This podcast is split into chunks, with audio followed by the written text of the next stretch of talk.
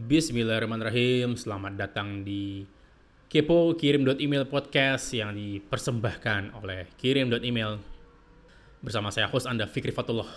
Ya. Oke, untuk Anda yang ingin dapat diskon ya, silahkan gunakan kode kupon Kepo. Ya, semua orang suka diskon, saya suka diskon. Saya harap Anda juga suka diskon. Jadi gunakan kode kupon Kepo untuk mendapatkan diskon untuk berlangganan produk kirim.email Ya, Anda bisa berlangganan yang bulanan, tahunan, atau yang triwulan. Bisa langsung broadcast email ke semua pelanggan Anda dengan harga khusus ya, dengan menggunakan kode kupon KEPO ya. K E P O huruf besar semua saat Anda melakukan pendaftaran, oke? Okay? Pada episode kali ini kita akan bahas apa ya? Uh, nasihat bisnis karena pada dasarnya Kepo ini berisi beberapa di antaranya ya berisi nasihat bisnis terutama untuk saya karena saya biasanya menceritakan ulang ya nasihat yang saya terima dari orang lain. Itu yang yang pola yang berulang di di kepo ya kalau anda dengar episode-episode lain yang sebelum ini. Atau mungkin nanti sudah ini insya Allah ya. Anda akan lihat bahwa banyak sekali saya mengulang nasihat yang saya dengar atau yang saya baca atau yang saya terima dari orang lain ya yang sudah saya tes beberapa sudah saya tes atau beberapa mungkin tidak bisa saya tes atau beberapa saya tes dan gagal ya saya teruskan ke kepo yang kemudian siapa tahu bisa bermanfaat seperti nasihat itu bermanfaat untuk saya ya. Nggak semua episode seperti itu tapi banyak yang seperti itu ya. Polanya banyak yang seperti itu. Oke nah tentang nasihat bisnis ini ini ada satu temuan menarik ya dan yang ternyata bukan hanya saya yang yang, yang merasakan gitu loh ya. Jadi hampir semua kegagalan yang bisa saya ingat saya ulangi hampir semua kegagalan yang bisa saya ingat dalam bisnis saya apa pun itu bidangnya ya mau itu di dunia human human resource mau itu di dunia finance di dunia marketing di dunia sales apa pun itu bidang bisnisnya gitu ya. Hampir semua kegagalan terbesar yang bisa saya ingat itu berasal dari nasihat yang tepat pada waktu yang salah. Saya ulangi berasal dari nasihat yang tepat untuk saya ya nasihat yang diberikan kepada saya. Nasihatnya bagus tapi saya jalankan pada timing atau momentum atau waktu yang kurang tepat. Ya. Jadi inilah pentingnya konteks saat kita menerima sebuah nasihat dari orang lain. Ya. Misalnya, ada seseorang yang say bisnisnya sudah apa ya, stabil, besar, sudah level enterprise lah gitu ya. Sudah di ujung akhirnya UKM misalnya misalnya omsetnya sudah sekitar ya 4 4 5 miliaran sebulan gitu ya. Dan orang ini memberikan Anda nasihat dalam dalam dalam hal ini dalam konteks ini ya misalnya bisnis kita bermulai ya, misalnya kita baru mulai omset kita mungkin malu sih 50 100 juta sebulan ya, berhadapan dengan orang yang omsetnya 5 miliaran ini sebulan ya. Nah, saat dia ngasih nasihat, kemungkinan nasihat dia akan akan sangat bagus. Ya akan masuk akal sama anda. Atau akan anda akan ngerasa ya paling nggak saya ya paling nggak saya. Saya ngerasa saat saya dapat nasihat dari orang-orang yang bisnisnya 10 kali dari saya ya. Atau 20 kali mungkin yang saya pernah ketemu orang yang bisnisnya skalanya sudah 20 kali bisnis saya ya. Saat beliau ngasih nasihat ke saya itu nasihatnya uh mind blown. Gitu. Apa sih uh, luar biasa. Nasihat yang nggak kepikiran. Ini orang kok bisa kepikiran kayak gini ya gitu loh ya. Saya langsung ngerasa seperti itu ya. Oke. okay. Uh, tapi begitu nasihat itu saya praktikkan ke ke bisnis saya ya itu hasilnya ya kurang begitu sesuai. Malah sudah di spektrum atau sudah di titik dia menghancurkan gitu loh. Bisa menghancurkan berpotensi menghancurkan. Ya alhamdulillah bisa yang hancur ya. Tapi sudah berpotensi menghancurkan. Ya paling gampang saya punya contoh dulu waktu saya bisnis kuliner saya saat bisnis kuliner itu mulainya kecil sekali dari toko di pinggir jalan dulu ya waktu saya masih tinggal di Medan. Saya mulai di toko di pinggir jalan. Sangat sederhana. Anda kalau ngelihat styling saya atau toko saya itu sangat sangat sederhana ya. Gerobak saya itu sangat sederhana gitu loh ya. Itu saya dapat nasihat dari seorang pengusaha kuliner yang cabangnya sudah di 40-an kota lah gitu ya. Dan beliau ngasih saya ngasih saya nasihat yang ya masuk akal gitu. Maksudnya nasihatnya bagus ya, bagaimana cara merekrut, bagaimana cara menjaga agar karyawan loyal, bagaimana memilih karyawan yang bagus untuk di dapur, untuk masak yang cepat and so on so ya. Jadi bagus tapi ya lagi posisi saya saat itu saya tidak bisa melakukannya. Kenapa? Karena saya ya kondisi keuangan pas-pasan ya namanya bisnis baru mulai saya baru bayar tok baru bayar untuk gerobaknya baru beli kompor yang khusus untuk dimasak masakan itu ya. Terus beli bahan baku beli terus gerobak saya kemarin waktu baru jualan itu patah di mana harus saya ganti ya dan lain-lain banyak masalah lah. Intinya duit cash saya kurang lah ya untuk untuk um, merekrut. Karena saat itu kondisi perusahaan uh, kondisi gerobaknya baru mulai saya pikir bulan pertama saya harus bersiap untuk ada paling nggak ada uang gaji ya jadi saat misalnya jualannya juga minus banget bulan ini ya saya punya duit untuk bayar gaji saya mikirnya gitu ya nah Sedangkan saya kalau harus ngerekrut orang tambahan lagi seperti yang dinasihatin tadi, maka duit saya akan habis gitu loh ya. Apa yang terjadi? Ya akhirnya saya merekrut juga karena dinasihati seperti itu, saya akhirnya merekrut. Saya dikatain ya dibilang dinasihatin harus berani, kita harus yakin. Ya saya yakin saya rekrut, saya tambah orang ya untuk untuk untuk masak dan lain-lain ya. Dan benar servisnya makin cepet, tapi apa? Tapi ya kejadian yang saya yang saya khawatirkan kejadian memang ya setiap kali ada yang order, ada yang mesen makanan itu orderannya cepet sekali selesainya tapi yang order sedikit karena baru mulai dan saya saat itu belum begitu tahu bagaimana caranya promo untuk gerobak saya ini gitu ya yang akhirnya ya alhamdulillah berapa bulan bangkrut lah gitu ya tapi ya dan itu berulang ya jadi nasihat-nasihat yang saya terima itu bagus dan benar tapi ya lagi yang memberikan nasihat itu kapasitas bisnisnya 20 eh, atau 30 kalinya saya saat itu ya Apakah kemudian kita nggak boleh nerima nasihat bisnis dari orang seperti ini? Tidak, bukan itu maksud dari episode ini ya. Ya seperti yang saya katakan, nasihatnya tepat. Nasihatnya bagus, tepat, cara merekrutnya semua sampai sekarang masih saya terapkan ya walaupun bisnis saya sekarang nggak kuliner lagi. Tapi timingnya atau waktunya salah. Saya bisa menjalankan nasihat itu kalau saya sudah punya paling nggak pengalaman atau gambaran atau kepastian dengan usaha saya saat itu. Ya, yang saat itu usaha saya sangat naik turunnya ekstrim ya. Gerobak saya, gerobak kuliner saya, itu naik, naik turunnya ekstrim. Jadi uh, artinya hari ini bisa omsetnya alhamdulillah, besoknya bisa minus gitu loh ya. Ekstrim banget naik turunnya. Nah kalau saya sabar aja dikit sebulan dua bulan dan saya saya terapkan nasihat tadi, mungkin ceritanya akan berbeda ya. Kodarullah saya nggak tahu, uh, saya nggak mau berbicara andaikan-andaikan ya. Karena bisa merusak keimanan kayak nggak bersyukur gitu ya tapi intinya seperti itu dan setelah saya melihat polanya banyak sekali ya di, di saya paling nggak nasihat-nasihat yang saya terima itu nasihatnya benar tapi timingnya salah dan itu mengakibatkan kegagalan yang massive yang besar buat saya paling nggak ya. Ada yang usahanya bangkrut lah ada yang salesnya langsung ngedrop lah dan lain-lain ya. Banyak lah. Jadi saat nasihat yang sama saya terapkan di waktu berbeda dan beberapa kali di bisnis berbeda itu berjalan. Alhamdulillah nasihat itu berjalan ya bisnisnya bertumbuh salesnya bagus and so on and so on dan lain-lain ya. Jadi eh, kita harus melihat konteks. Saat si yang yang memberikan kita nasihat ini siapa dan dia sekarang di posisi apa? Karena kalau anda lihat episode saya yang lalu saya pernah bahas di Kepo juga yang namanya kutukan pengetahuan ya. Seseorang yang sudah tahu itu akan lupa bagaimana saat dulu dia nggak tahu. Itu kutukan pengetahuan. Anda sekarang udah tahu satu tambah satu sama dengan dua. Anda tahu matematika. Anda tahu trigonometri mungkin. Anda tahu caranya Pitagoras dan lain-lain. Sekarang Anda nggak bisa membayangkan anak Anda misalnya usia SD lah ya kelas 1 Anda coba ajarin atau kelas 2 Anda coba ajarin Pitagoras Anda akan susah menempatkan diri Anda ke posisi dia. Yang nggak usah SD deh ya. Orang-orang dewasa yang mungkin tidak sekolah ya. Saya punya tempat saya uh, jualan langganan saya beli sarapan itu sekolahnya hanya lulusan kelas uh, 3 SD ya. Orangnya sangat smart, street smart saya bilangnya. Orangnya orang yang cerdas. Dia jualan itu jago banget ya.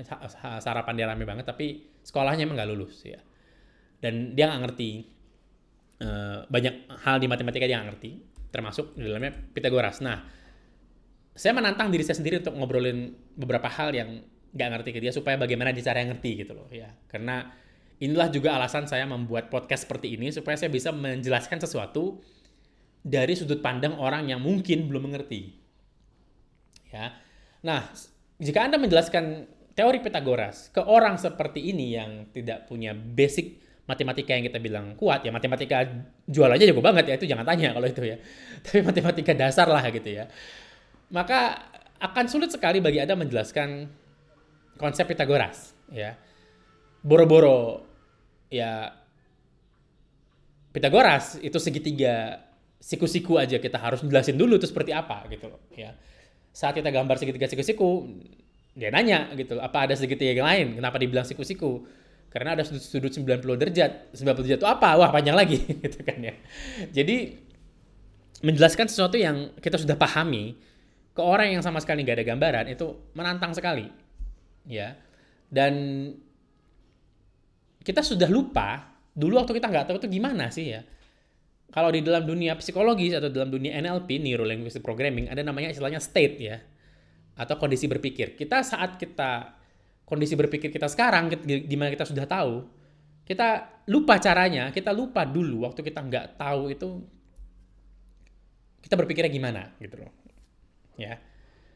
Nah, jadi saat orang yang bisnisnya sudah 20-30 kali dari bisnis kita sekarang memberikan nasihat, mungkin bukan niat dia untuk memberikan nasihat yang akan menghancurkan kita. Enggak, saya yakin itu. Saya orang yang sangat positif, saya yakin dia juga positif ya.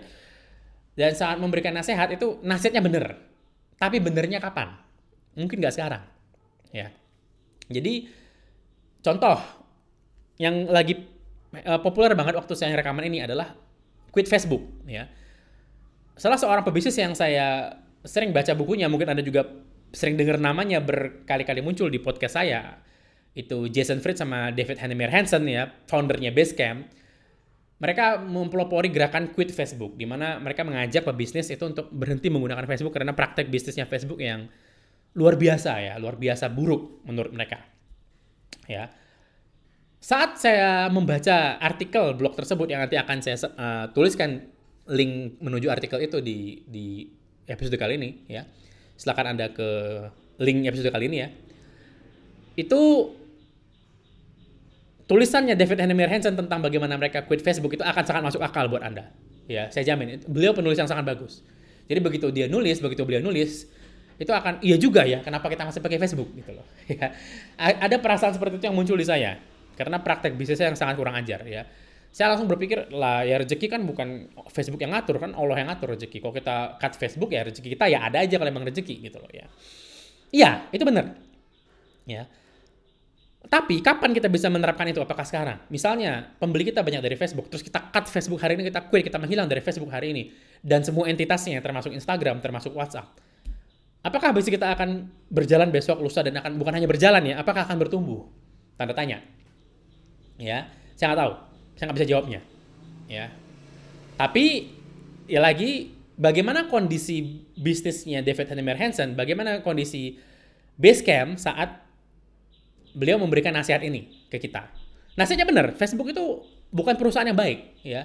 Saya ingat banget dulu ada guru saya, seorang internet marketer senior di Indonesia, itu bilang Facebook itu adalah produk gagal yang sukses. Saya ingat banget kalimat, kalimat, kalimat beliau tersebut. Dan saya setuju, sampai sekarang Facebook itu masih produk gagal tapi sukses. Ya. Nah, jadi saya ngerasa saat ini belum di titik untuk kirim email saya rekam episode ini uh, uh, hari Rabu 23 Januari 2019 ya. Belum di titik kirim email untuk berhenti menggunakan Facebook. Belum. Apakah kita akan quit Facebook? Mungkin. Kapan? Saya nggak tahu. Ya lagi, ini nasihat yang bagus. Tapi kalau saya langsung terapkan membabi buta sekarang, di waktu hari ini, atau setelah saya baca artikelnya kemarin beberapa minggu yang lalu, itu dampaknya ke bisnis saya mungkin akan massive, ya, akan besar, yang dampak buruk lah ya, yang saya tidak suka dengan hasilnya gitu loh ya. Jadi lagi hampir sebagian besar kegagalan yang saya alami atau kesalahan-kesalahan dalam bisnis yang saya lakukan itu karena mempraktekkan nasihat yang baik, nasihat yang tepat pada waktu yang salah. Jadi bukan nasihat yang tidak baik, bukan nasihat yang salah. Waktu saya me aplikasikannya atau mempraktekannya itu yang salah. Timingnya saya yang salah. Ya, itu yang saya pelajari. Ya, jadi kadang niat orang baik, tapi saat kita mengaplikasikannya itu ngaco. Ya. Nah, saya ingat banget ada sebuah bab di buku Hard Thing About Hard Things yang nulis Ben Horowitz ya. Itu ada satu bab yang nul, yang yang yang namanya Peacetime Wartime CEO. Ya. CEO masa tenang, CEO masa perang. Kalau bahasa Indonesianya, ini bukunya bahasa Inggris soalnya. Jadi CEO masa tenang ya bisnisnya udah tenang, udah stabil ya, omsetnya stabil, growth-nya bertumbuhnya stabil, bulan ini 5M, bulan depan 5,1, tiga bulan lagi 6M, wah stabil, growth-nya tuh stabil ya. Udah tenang usahanya, ya, udah tenang bisnisnya, ya. Jadi berpikirnya orang seperti ini itu akan berbeda dengan orang yang baru mulai. Bukan hanya berpikirnya, kondisinya juga akan berbeda. Bisnisnya akan menuntut hal yang berbeda, ya. Jadi saat orang sudah CEO atau pebisnis di masa tenang, saya bilangnya, memberikan nasihat ke pebisnis yang lagi lagi perang itu akan berbahaya. Contoh tadi David Henry Hansen ya, saat ngasih nasihat, itu udah quit Facebook, Facebook itu jelek, praktek bisnisnya hancur. Kamu ngapain pakai Facebook? Kamu mendukung Facebook sama dengan kamu mendukung bisnis yang prakteknya ngaco dan akan mempengaruhi generasi pebisnis selanjutnya. Benar nasihatnya. Tapi itu jangan lupa David itu pebisnis yang masa tenang usernya ada 2 juta lebih gitu kan ya. Kalau itu saya terapkan kirim buat email yang mungkin saat saya rekam ini usernya baru 14 ribuan ya bagaimana? Saya saya bukan mungkin mungkin saat ini kirim email bukan lagi perang banget ya enggak. Kita ya alhamdulillah kita dalam kondisi uh, baik saat rekam ini ya. Tapi ya mungkin belum sebaik uh, Basecamp gitu loh yang di mana sudah stabil sekali bisnisnya gitu ya. Jadi apakah saya bisa menerima atau menjalankan nasihatnya David belum, karena saya lagi perang, David lagi tenang, ya. Sebaliknya di mata orang lain, saya mungkin sudah tenang, ya. Wah, uh, enaklah kirim email ya mas, sudah ada tim yang handle, timnya profesional semua handle. Ya alhamdulillah, ya. Di beberapa di beberapa hal saya sudah tenang. Yang menghandle sudah orang-orang yang luar biasa kompeten, ya. Contoh marketing sudah ada beberapa divisi, sudah beberapa orang handle dan semuanya kompeten, ya Apakah saya tenang? Saya tenang. Meninggalkan divisi marketing ke tangan-tangan orang yang handal. Meninggalkan development atau programming di tangan orang-orang yang handal. Ya saya tenang, tenang. Tapi ada masa yang di, ada sisi lain yang saya tidak belum tenang, masih masih perang ya, sisi recruiting, sisi development bisnis, pengembangan produk baru dan lain-lain banyak sekali ya. Yang saya belum bisa tenang lah, duduk tenang, nyantai-nyantai belum bisa. Ya, masih saya harus terjun langsung, masih saya harus handle langsung, ya. Jadi beberapa uh, saat orang mulai dari luar, wah Mas Fikri udah tenang, nggak nggak gini, nggak gitu. Mungkin iya di di titik yang mereka lagi perang. Contoh ada orang yang lagi perang di marketing, ya Facebook Ads lagi perang. Lah karena saya nggak langsung terjun ke Facebook Ads saat saya ngeliat dia lagi perang ya saya nasihat saya mungkin akan ya udah rekrut aja orang yang jagoan Facebook Ads gitu loh ya kan. Apakah itu nasihat yang benar? Itu nasihat yang benar. Ya gitu saya merekrut orang yang jagoan Facebook Ads, Facebook Ads yang dikirim buat email itu alhamdulillah bagus ya. Tapi apakah saat saya berikan nasihat ini ke orang lain yang lagi perang, udah kamu rekrut aja deh, terus dia rekrut gitu kan ya. Terus salah rekrut, orangnya kabur, membawa data dan segala macam, bisnisnya akan hancur. Ya. Jadi ya lagi hati-hati saat menerima nasihat, lihat konteksnya yang ngasih nasihat siapa dan kondisi bisnisnya seperti apa. Ya, pertanyaan yang lebih tepat untuk saya itu seperti ini. Jika dulu atau jika sekarang orang ini mengalami apa yang saya lakukan, apa yang akan dilakukan? Itu pertanyaan saya sekarang. Ya, misalnya bisnisnya sudah 20 kali saya ya.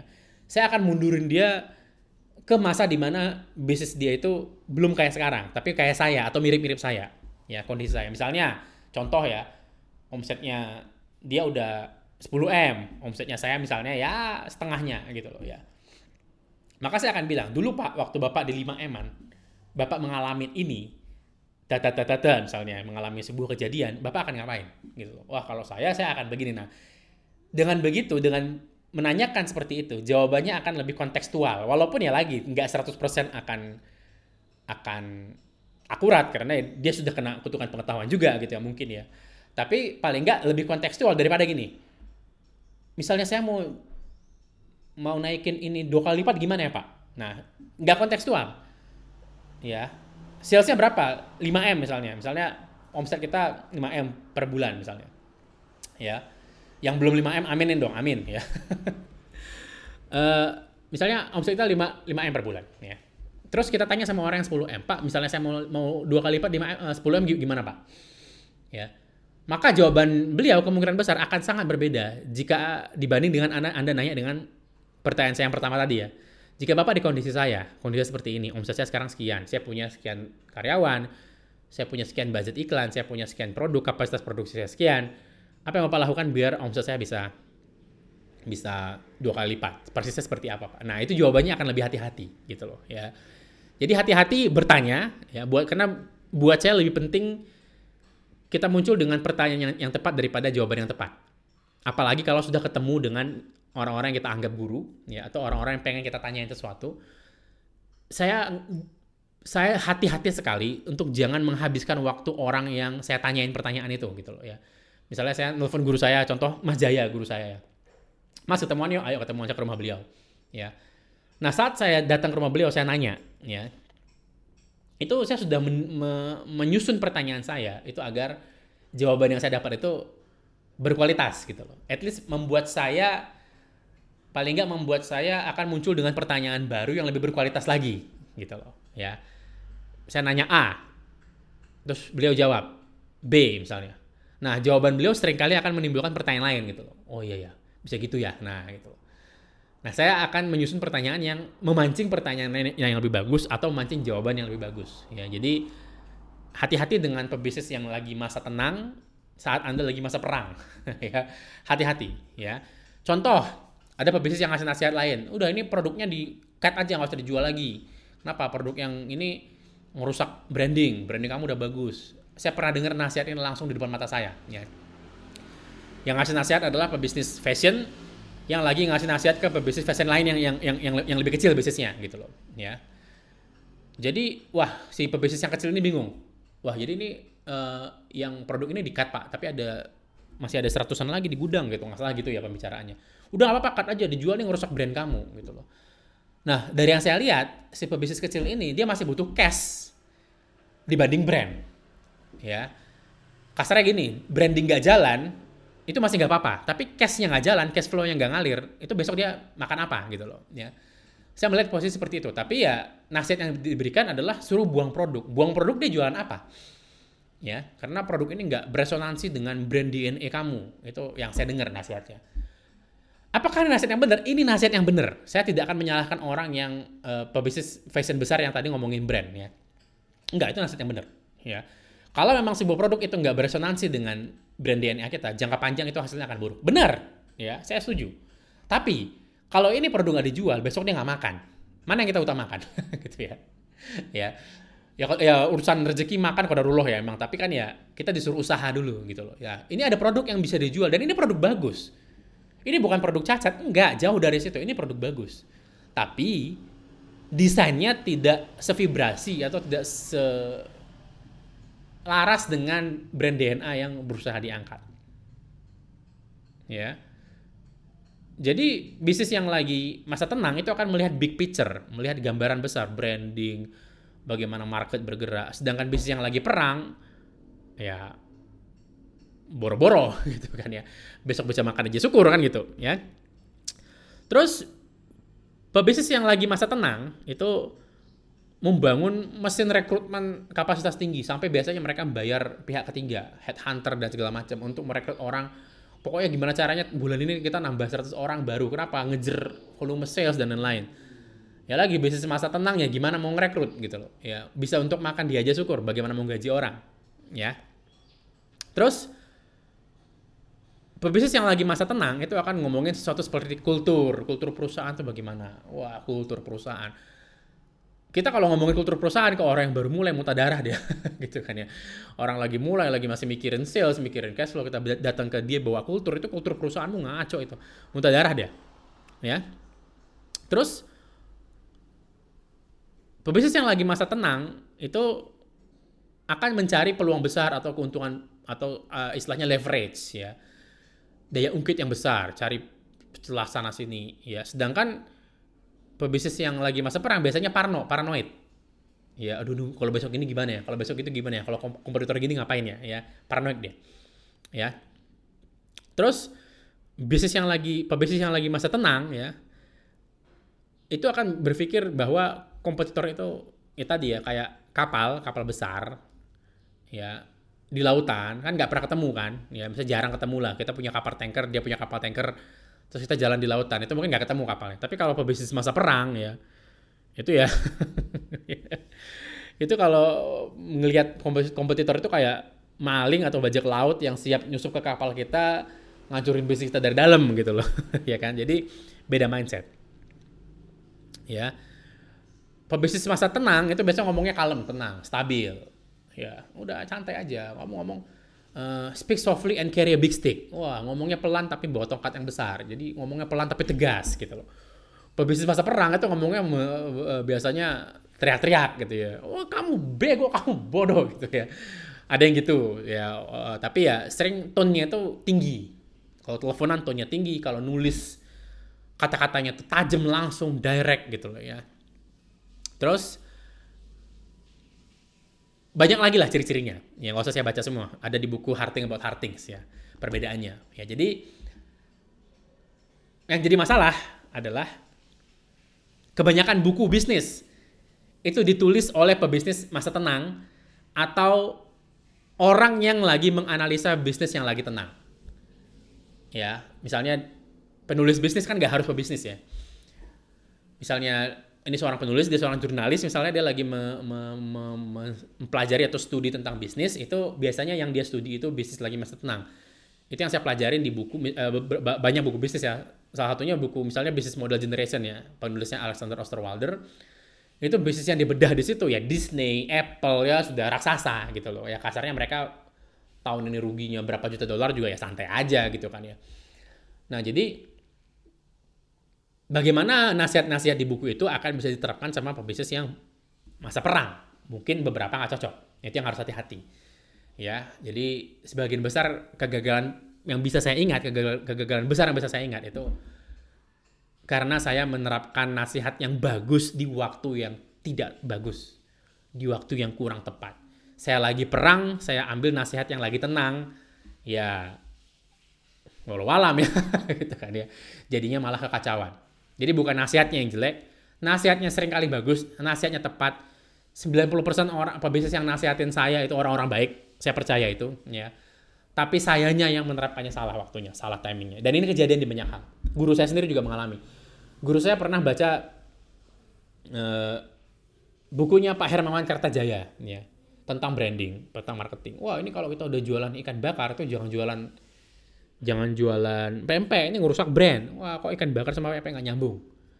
Ya, padahal yang nanya pempek banyak. Demandnya pempek ada di daerah itu. Tapi ya karena wah nanti kok kita jualan pempek ngerusak branding dong. Nah, karena mikirin branding jadinya bisnis bangkrut tutup ya. Lagi nasihatnya tepat, Pak Hermawan itu Pak Hermawan Kertajaya itu orang yang luar biasa di dunia marketing tapi mungkin tidak semua nasihat beliau timingnya cocok untuk bisnis kita ya ada waktunya baca buku beliau ya makanya saya sering kali membaca buku yang sama di waktu berbeda karena buku yang sama dibaca di waktu berbeda itu hasilnya akan berbeda saya sering kali tiap tahun ada ada ada buku yang saya baca tiap tahun salah satunya adalah rework ya Jason Fried sama David Hannemer Hansen orang yang sama dan Business Model Generation. Alexander Osterwalder. Sudah mungkin 5-6 tahun ini, hampir setiap tahun saya baca buku mereka berdua. Ya. Ulang lagi mas? Iya ulang lagi. Ada yang nanya, nama, nanya saya kemarin. Saya uh, waktu ketemu di stasiun kereta, atau di airport saya lupa, saya lagi megang buku itu. Terus dia nanya, lo mas kok baca buku ini lagi? Kemarin bukannya sudah pernah dibahas di podcast, mas sudah baca? Iya saya sudah baca. Ya, saya sudah baca berkali-kali, saya sudah baca hampir tiap tahun, dan saya masih terus baca. Ya, jadi kenapa? Karena kondisi saya sekarang dengan kondisi saya saat dulu pertama kali baca buku itu, itu saya adalah orang berbeda. Oke, okay? jadi hasilnya akan berbeda insya Allah. Oke, okay? itu dari saya untuk episode kali ini. Bijaklah menerima nasihat. Simpen nasihatnya, catat. Ada waktunya mungkin kita menerapkan nasihat itu. Oke. Okay? termasuk mungkin nasihat yang Anda dengar dari saya, baik itu di podcast ini maupun saat Anda dengar dari saya langsung, jangan semuanya langsung diaplikasikan, kondisi kita mungkin berbeda. Ya, gunakan dengan bijak, saya mohon. Gunakan kode kupon KEPO ya untuk dapetin 10% semua produk berlangganan kirim.email ya. Gunakan kode kupon kepo dan masukkan saat Anda akan mendaftar. Sampai ketemu di episode selanjutnya insya Allah. Saya Fikri Fatullah dari kirim.email. Terima kasih. Assalamualaikum warahmatullahi wabarakatuh.